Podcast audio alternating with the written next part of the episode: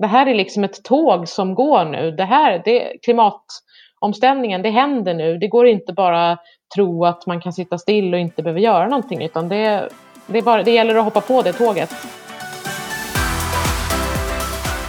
Det är jag som är Thea. Och jag som är Åsa. Och du som lyssnar är varmt välkommen till ett nytt spännande avsnitt av Logistik överallt. Vi har ju pratat länge om att vi ska göra ett avsnitt om energi, Thea. Ja, vi har ju det. Och nu är det äntligen dags. Det pratas ju mycket om att vi behöver ställa om till fossilfria bränslen och vi vet ju att vi måste det. Precis, men man funderar ju såklart också på hur det ska gå till och vad är egentligen det bästa alternativet? Ja, och jag tycker många gånger att man får olika svar beroende på vem man frågar. Och det är lite förvirrande. Det är ju verkligen det. Och som tur är så har ju vi hittat den perfekta gästen som ska reda ut en hel del frågetecken idag. Men innan vi hoppar in i dagens intervju vill vi bara säga att om du som lyssnar har feedback, önskemål eller frågor får du såklart jättegärna höra av dig. Vi finns på Instagram, att logistiköverallt utan prickar. Eller så kan ni kontakta oss direkt på LinkedIn. Ja, och gillar ni podden så tipsa gärna andra vänner eller logistikkollegor om podden. Och ett tips från oss är att prenumerera på Logistik överallt i poddapparna för då missar ni aldrig när vi släpper nya avsnitt. Dagens poddavsnitt är sponsrat av vår fantastiska samarbetspartner Business Region Örebro. Stort tack för att ni väljer att jobba med oss. Tack Business Region Örebro. Och nu tycker jag att vi kör veckans intervju.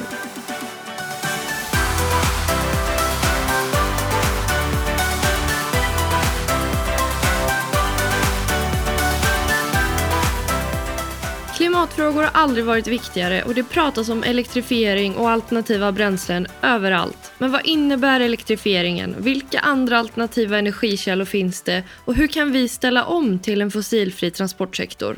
Idag gästas vi av Emilia Käck. Hon är en riktig energiexpert som ska hjälpa oss att reda ut en hel del frågetecken om just de här frågorna. Hon har tidigare arbetat på energiföretaget Fortum, batteritechföretaget Northvolt och nu jobbar hon på Teknikföretagen. Välkommen Emilia! Tack så mycket, roligt att vara här. Så kul att ha dig här. För den som inte känner till dig, hur skulle du beskriva dig själv kort? Eh, jag är väl en energiintresserad nörd eh, med mycket bakgrund eh, inom, inom området, precis som ni pratade om innan. Ehm, så att eh, läser mycket om området eh, och är superintresserad av de här möjligheterna. För jag tycker att det är så vi ska tänka, vi har möjligheter framåt. Det gillar vi. Och du jobbar ju idag på Teknikföretagen. Vad gör Teknikföretagen och vad innebär din roll? Eh, teknikföretagen är ju en branschorganisation som eh, dels har eh, en arbetsgivarisida där man pratar om kollektivavtal eh, och sen har man en näringspolitisk sida och det är där jag arbetar. Så mitt ansvarsområde är eh, energi och transportinfrastruktur. Teknikföretagen har ju 4 200 medlemmar ifrån, eh, ifrån verkstadsindustrin och techindustrin. Och vårt uppdrag är ju att se till att de har verks alltså förutsättningar som, som gör att de kan få ut sina produkter och tjänster. Alltså att de ska ha en god konkurrenskraft helt enkelt. Då tänkte vi gå vidare till att prata lite mer om eh, dagens ämne. Och vi börjar helt enkelt från början. Vad är ett fossilt bränsle? Det är ju det som, eh, ja det är ju diesel eller bensin är ju fossila bränslen till exempel. Så det är ju någonting mm. som kommer som vi har utvunnit eh, ifrån marken och sen så släpper det ut väldigt mycket koldioxid. Och att vi behöver fasa ut de fossila bränslena för att stoppa den globala uppvärmningen känns eh, vid det här laget till av de flesta. Men det pratas ju om många olika bränslen och tekniker för att göra det. Så vi tänkte börja med att reda ut vilka alternativ till fossila bränslen finns egentligen idag? Eh, det är ju egentligen, eh, man kan säga att det är tre större områden. Eh, du har mm. ju elfordon, alltså det vill säga mm. batteridrivna fordon. Du har vätgas som också i och för sig är en del av el, för det är fortfarande en, elektrifieringsfas, men det är, man använder vätgas som bränsle. Och sen har vi biodrivmedel och där finns det olika typer av, i den gruppen så finns det olika typer. Om man tittar på de här tre områdena då som du nämner, vilka är för och nackdelarna med de här alternativen? Alltså, det som man kan se som utvecklingen ser sig just nu så tror jag inte att det kommer bli så att vi hittar en av de här tre lösningarna som, som kommer att gälla för allting utan vi kommer nog ganska länge att se en kombination. Mm. Eh, och det har mycket att göra med vilka typer av eh, vilket, vilket, vilket område inom transportsektorn vi tittar på. Eh, det har också att göra med om, om vi pratar mera lokala och regionala transporter eller om vi pratar långväga transporter. Mm. Så, så jag skulle säga att alla har ju sina, sina för och nackdelar och kommer säkert att hitta sina olika implementeringsgrader. Men om man tittar på de här olika bränslena så ställer de eh, olika krav på lastbilar och eh, tankstationer till exempel. Varför finns det så många olika lösningar? Eh, jag tror att man kan säga så här att det är ju ny teknik vi talar om nu. Så att, mm. eh, tittar, man på, tittar man på vätgasen till exempel så, har man ju, är, det ju, så är det mycket utveckling som pågår just nu. Eh, så att man, det, det, finns ju inte kanske så många fordon idag som, som är ute och rullar på våra gator. Eh, utan utan där, det, man är ju i en tidig fas. Eh, mm. Plus att man behöver bygga upp en infrastruktur för det här. Det vill säga var mm. någonstans ska man tanka? Hur får vi fram vätgasen? Eh, så det finns flera delar i det här som innan man kan säga att man är redo för att, eh, för att börja med, med, med vätgassatsningen. När det gäller el, om man säger batteridrivna fordon, så finns det ju fler fordon på marknaden. Men även mm. där behövs ju samtidigt en infrastrukturutbyggnad. Eh, det vill säga man behöver ha laddstolpar och ibland kanske det till och med är ett sådant problem att inte elnätet som ska förse laddstolpen med el, att inte det, den, liksom, nätet räcker inte till kanske där man behöver ha eh, elen helt enkelt. Ja, vi är ju väldigt nyfikna på just elektrifiering som det pratats så mycket om nu. Men en väldigt grundläggande fråga igen då som vi skulle vilja ha din syn på det är vad är elektrifiering egentligen? Ja, eh, elektrifiering handlar ju om att man, att man vill hitta en eh, det är, ett jättestort samlingsbegrepp, elektrifiering. Eh, så, men det handlar ju om att man vill gå ifrån det fossila till att börja gå mer på el. Eh, och det kan man göra på olika sätt. Det kan du antingen eh, göra, och när vi nu pratar transportsektorn, för elektrifiering är ju större än transportsektorn, det kan vara elektrifieringen av industrier också. Men om mm. vi nu mm. förhåller oss till transportsektorn här, så handlar det om att gå över från en förbränningsmotor till en elmotor. Varför är det så viktigt? Elektrifieringen är ju en extremt stor möjlighet att, att lösa vår klimatutmaning. Mm. Eh, och vi ska komma ihåg att det är ju klimatet som driver mycket av den här omställningen. Alltså att, att vi har en, vår, eh, att vi ska förhålla oss till att försöka hålla oss under de här en och en halv gradernas eh, ökning av, av, av liksom, temperaturen. Det är ju det som är hela drivkraften bakom allting. Mm. Och där har ju mm. också Sverige har ju sina egna mål inom just transportsektorn. Att fram till 2030 så ska, ju, så ska vi ha reducerat våra utsläpp med 70 procent. Mm. Det är ganska snart. Det är väldigt snart. Eh, och man ska inte glömma bort heller att ett fordon som köps idag, det finns ju kvar, rullar ju ganska må många år framåt. Så att allting vi gör idag kommer ju ha en konsekvens även framåt i, i tiden så att säga. Vilken problematik finns det med elektrifieringen idag? Det, det, är väl flera delar. Dels är det ju att laddinfrastrukturen inte finns på plats. Mm. Eh, men sen är det ju en teknikutveckling som behöver ske. Alltså fordonen idag är ju fortfarande, eftersom de inte har kommit upp i volym, är dyrare. Så, så det behövs en, en kombination av framförallt få ut laddinfrastruktur och få, få upp en volym på fordon. Ibland möts man också av eh, en, ett ifrågasättande, för elektrifiering är ju väldigt eh, positivt framställt. Men är det verkligen säkert att elen alltid är så eh, hållbart producerad? Nej, det är, där, det är ju, det är ju en, en riktig eh, iakttagelse. Eh, nu är det ju så att tittar man på de politiska målen inom EU så, så pratar man ju om mycket förnybart och det finns ju mål om att ställa om el sektorn också, alltså det vill säga att mm. stänga kolkraftverk och öppna upp vind eller sol eller andra typer av fossilfria lösningar. Så att jag tror inte att man ska, man, det behär, den utvecklingen behöver gå hand i hand skulle jag vilja säga. Eh, vi var lite inne, började toucha på det och nu när vi pratar om eh, omställningen till en mer, all, allt mer elektrifierad värld så tänker man ju också eh, på frågan, kommer elen att räcka till framöver? Hur ser det ut där? Um, ja, det, det, den, det, det, kommer ju finnas som en, som en vanlig marknad så kommer man ju, blir det en ökad efterfrågan så kommer det också byggas ut mer el. Eh, så, så, det, så det tror jag inte att vi kanske behöver vara så, så rädda för. Jag tror snarare att man ska se elektrifieringen kanske som en möjlighet för elsystemet. För du kan ju tänka dig att hela fordonsflottan och kanske allra helst personbilarna då, eh, eftersom de står ju stilla, en personbil står ju stilla väldigt många timmar, den använder inte så många timmar, skulle du snarare kunna se som en möjlighet för, för elsystemet att, att uh, faktiskt lagra energi i. I bilens batteri? Ja. Alltså, mm. ja. Eh, du var lite inne på elnäten också. Hur ser kapaciteten ut där när det gäller elnäten? Räcker de till? Det där är väldigt lokalt eller regionalt betingat. Så på vissa håll så är det inte större problem, på andra håll så, så finns det problem.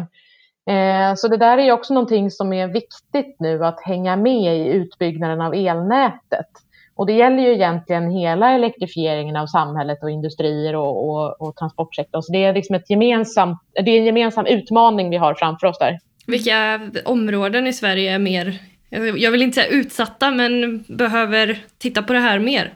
Södra Sverige har ju haft det mer utmanande och det handlar ju också mycket om att vi har eh, stängt ner kraftproduktion i söder. Vi har tillfört mera kraftproduktion i norr men, mm. men användningen i söder har inte minskat samtidigt som överföringskapaciteten, alltså det vill säga den, den elnäten som för över elen från norr till söder har inte byggts ut i rätt takt kan man säga. En eh, annan eh, kritik till elektrifiering det kan ju vara att batteriproduktionen faktiskt inte är särskilt hållbar med materialutvinning och ibland dåliga arbetsförhållanden. Hur ser du på batteriproduktion? Är det hållbart? Nu är det faktiskt en, en ny EU-lagstiftning som, som behandlar just de här typerna av frågeställningar eh, som, som ligger på bordet nu. Eh, och där går man faktiskt igenom hela, hela kedjan, alltså från ax till limpa. Allt ifrån eh, brytningen av mineralerna till eh, mäta vilk, vilken energi som, som, som batterierna produceras på till och så småningom också prata om återvinning. Eh, och det här tror jag måste också är någonting som måste gå hand i hand. Eh, mm. Det räcker inte med att bara säga att vi producerar lite batterier utan, utan det är viktigt. Det är en energikrävande produktion. Så det, är, det behöver vara fossilfri el för då, får vi, då blir det mycket bättre batterier. Och vi måste också säkerställa att vi inte bara bryter nytt utan att det blir cirkulärt. Mm. Det är mycket som ska hända samtidigt och hand i hand här helt enkelt. Ja, det är det. Ja, ja. Eh, transportsektorn som du var inne på ska ju minska koldioxidutsläppen med 70 procent till 2030 och det är ju ganska snart. Och varför är omställningen så viktig just för transportsektorn? Det här, är det här är ett svenskt mål som vi har satt upp och tittar mm. man på utsläppen som är på Sverigenivå så står faktiskt transportsektorn för en tredjedel av, av Sveriges utsläpp. Mm. Eh, så så det, det, är nog lätt och naturligt att man, att man faktiskt tittar på den sektorn ur ett svenskt perspektiv.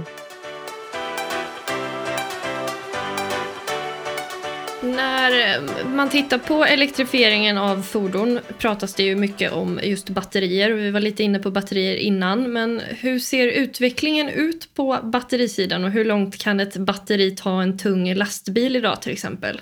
Utvecklingen har gått ganska snabbt när det gäller batterier och det som man egentligen har velat eh, som har varit en så kritisk faktor, det har varit batteriets kostnad. Mm. Eh, och där ser vi att, att bara sedan 20, mellan 2019 2019 och 2010 så har eh, kostnaden gått ner med drygt 80 procent. Eh, mm. Och det här är en så viktig del för att, för att kunna bli, liksom, vara ett konkurrenskraftigt alternativ. Sen jobbar man ju hela tiden med det man kallar för batteriets energitäthet.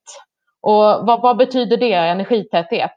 Jo, det är ju egentligen att utifrån den vikt du har, för vikt är ju någonting som är kritiskt i ett fordon, framförallt om du, vill, om du har en tung lastbil och du vill leverera någonting, eh, så vill du inte, så vill jag att fordonet ska väga så lite som möjligt så att, så att du kan transportera mer. Eh, och energitätheten är ju då eh, massa i batteriet och hur mycket energi du kan lagra, alltså hur långt du kommer på varje kilo kan man väl säga, väldigt förenklat. Mm. Och där sker utvecklingen ganska snabbt nu eller?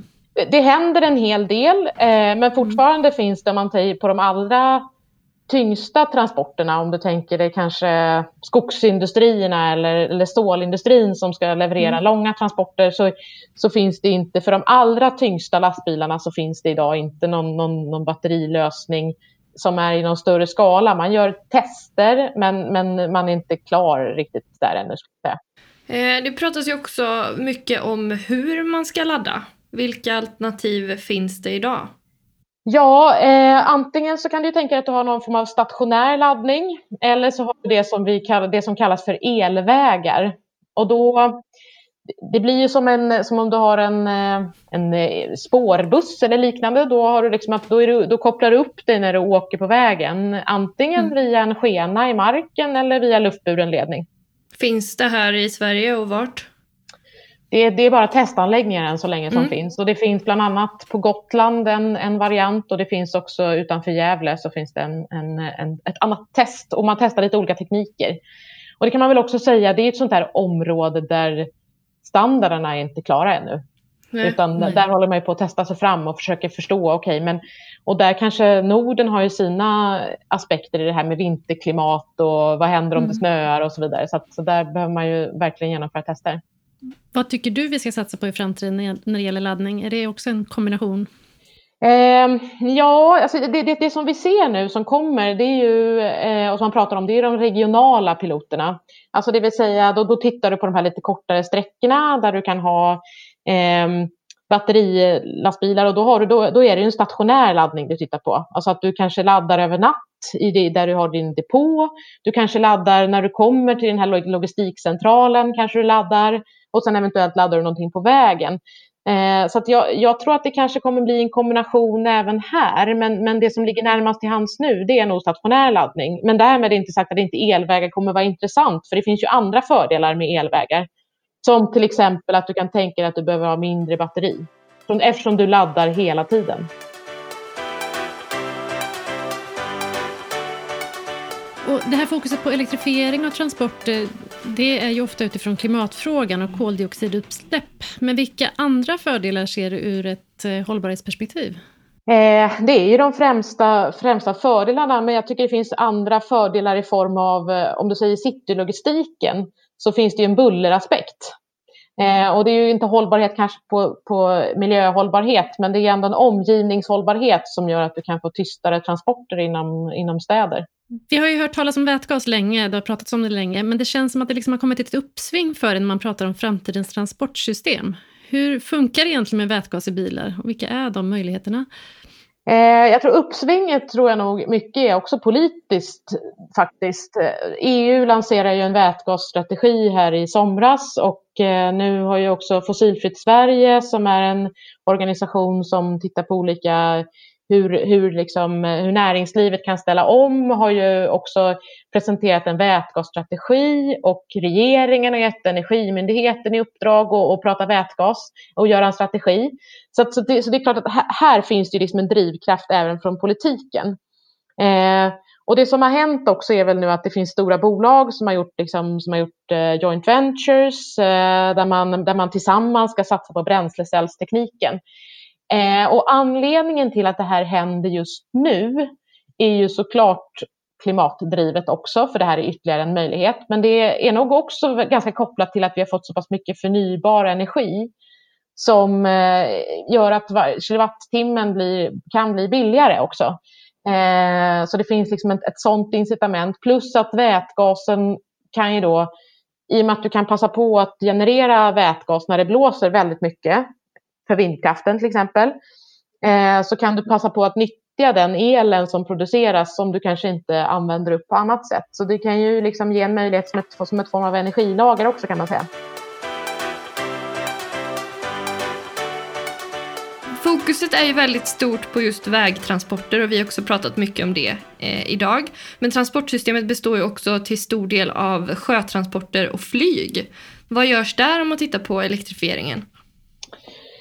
På, på flygsidan så är det faktiskt en del försök som eh, pågår nu med, med, med små passagerarflygplan med sådär 19 personer eh, som, man, som, som pratar om just eh, elektrifiering. Och då pratar jag el, batteridrift nu. Mm. Men innan, innan vi skulle se batteridrivna större flygplan, det vill säga att du skulle kunna åka, åka med, ett, med ett flygplan till New York som är, som är drivet på batterier och el. Eh, där är vi inte batteritekniskt idag. Eh, de skulle behöva bli mycket mer energitäta, det vill säga du skulle behöva få in mera längd i sträcka per kilogram. Mm -hmm. Men eh, däremot så, så tittar man på vätgasen som ett område där. Och sen tror jag även att, att biodrivmedel kan ju, vara kan ju vara en intressant övergångsperiod här också. Eller kanske till och med långsiktigt, det, det är svårt att säga. Men jag tror att det är väl här jag menade med det här att, att vi inte kommer se ett drivmedel framöver. Mm. Och sjöfarten då, där är, ju, det ju, eh, finns det ju en del eh, vägfärger som eh, Trafikverket har, eh, som man driver på el idag. Det finns ju ett en större projekt som pågår mellan Helsingborg och Helsingör, där man har eldrivna färjor som går och så, land, så laddar man i, i, liksom i, i båda hamnarna då. Sen finns det ju en del turistbåtar, som man, man har elektrifierade båtar i Niagarafallen och sådär. Eh, det finns ju i Stockholm finns det pendlingsbåtar som går på el idag. Så det finns ju lite olika applikationer där. Men när det gäller de större fartygen så kommer det nog också bli en, en kombination av olika bränslen. Och det, där skiljer man ju också på landström och det som du har i drift. Alltså det vill säga om det kommer ett stort kryssningsfartyg som kommer och anlöper hamn så har de ett väldigt stort energibehov. Och istället för att då man har sina dieselmotorer som står där och puttrar så kan, så kan man då ansluta i vissa fall mm. eh, till, till, till land och så släpp, slipper man att man har en, en, ett kryssningsfartyg som, som ligger och släpper ut massa dieselångor. Spännande, verkligen. Vad, vad tycker du att man borde göra mer av eh, inom de här områdena? Det behövs ju, tror jag, inom, inom sjöfarten och inom flyg så tror jag nog att gör man ju en del, men det behövs nog fortfarande väldigt mycket mer forskning och utveckling. Mm. Och det är klart att det gäller ju även de, de tyngre transporterna också, att det behövs mycket forskning och utveckling i det här. Mm. Och parallellt med det så behöver ju infrastrukturen förberedas och byggas ut. Det händer ju väldigt mycket och det finns många spännande initiativ och uppfinningar som kommer och som, är, eh, som snart kommer. Vilka möjligheter finns det framåt för logistikbranschen om man är lite på och lite innovativ? Om, om, du, om du menar framåt som i, näst, som i det här kommande året eh, så, ska vi säga, så ska man väl kanske hålla utkik efter lite utlysningar som kommer komma nu här. Det kommer ju eh, bli en del, eh, det ligger ju i höstbudgeten så ligger det ju för 2021 och 2022 så ligger det ju eh, olika typer av stöd för laddinfrastruktur, för snabbladdning. Mm. Eh, där, där, där är väl ett intressant område att se om man kan knyta ihop projekt där. Om man tittar eh, längre fram och du får sia? Eh, nej men längre fram så handlar det väl mycket om att, att, att få den här kombinationen av de olika drivmedlen, se vad är det för, vad har jag för, hur ser mitt logistikbehov ut? Vad, vad har, jag, har jag långa transporter? Har jag korta transporter? Vad, vad är det för någonting jag har? Och sen tror jag en sak som vi inte har pratat om här, men som är väldigt, väldigt viktig, det är ju effektivisering av transporter. Att inte köra med halvtomma fordon. Mm. Eh, vi kan ha, kanske ha längre och mer energieffektiva fordon. Även med, med konventionella bränslen så finns det en vinst i om vi kan, om vi kan undvika tomma, tomma transporter och att, att de blir mer energieffektiva. Så jag, tror att det, jag tror inte vi ska titta på en lösning där heller, utan vi måste nog göra allt vi kan. Men idag finns det väl eh, vissa regler som är emot allt för långa lastbilstransporter? Eh, ja, framförallt är det att vägarna... Långa ekipage inte... menar jag. Ja, precis. Ja, precis. Jag, jag, jag, förstår. Ja, men framförallt är det att, att, att eh, vägarna inte klarar av eh, tyngden. Nej. Alltså att man, man pratar om bär, olika bärighetsklasser, så man behöver mm. liksom ha stråk som klarar av eh, de här längre och tyngre fordonen på vägtransportsidan. Mm. Hur har eran bransch och det ni gör påverkats av corona? Ja, eh, så teknikföretagens medlemmar har ju påverkats ganska mycket av det här eftersom man kan ha haft underleverantörer i Europa som gör att man har fått stänga ner produktionen helt och hållet under vissa perioder.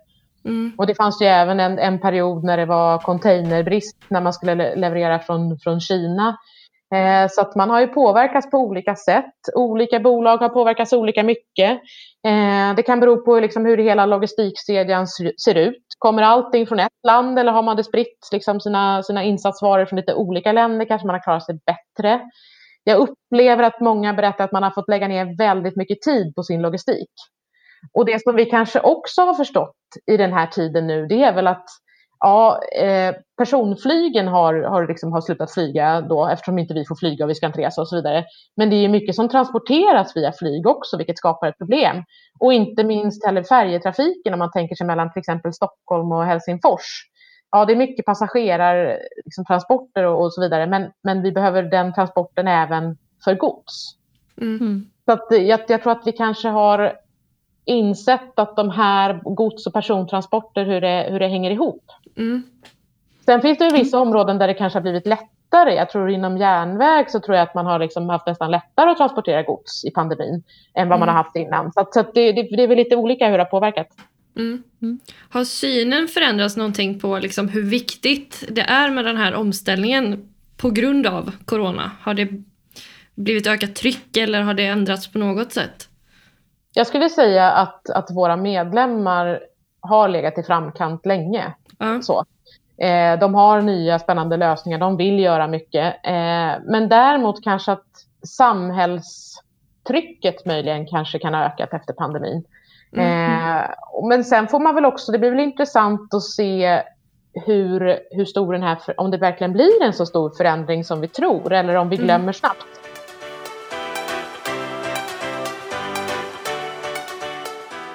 Vilket företag inspirerar dig när det gäller omställning? Vilka kan vi lära oss av? Jag tycker att det finns, eh, alltså Northvolt är ett fantastiskt exempel. Mm. Absolut, mm. tänka nytt. Eh, det kommer nya, alla de här olika satsningarna nu på fossilfritt stål. Det är mm. jättespännande tycker jag. Det är, det är, det är, eh, att, att faktiskt tänka nytt och se det fossilfria stålet som en konkurrenskraft. Det tycker jag är superspännande.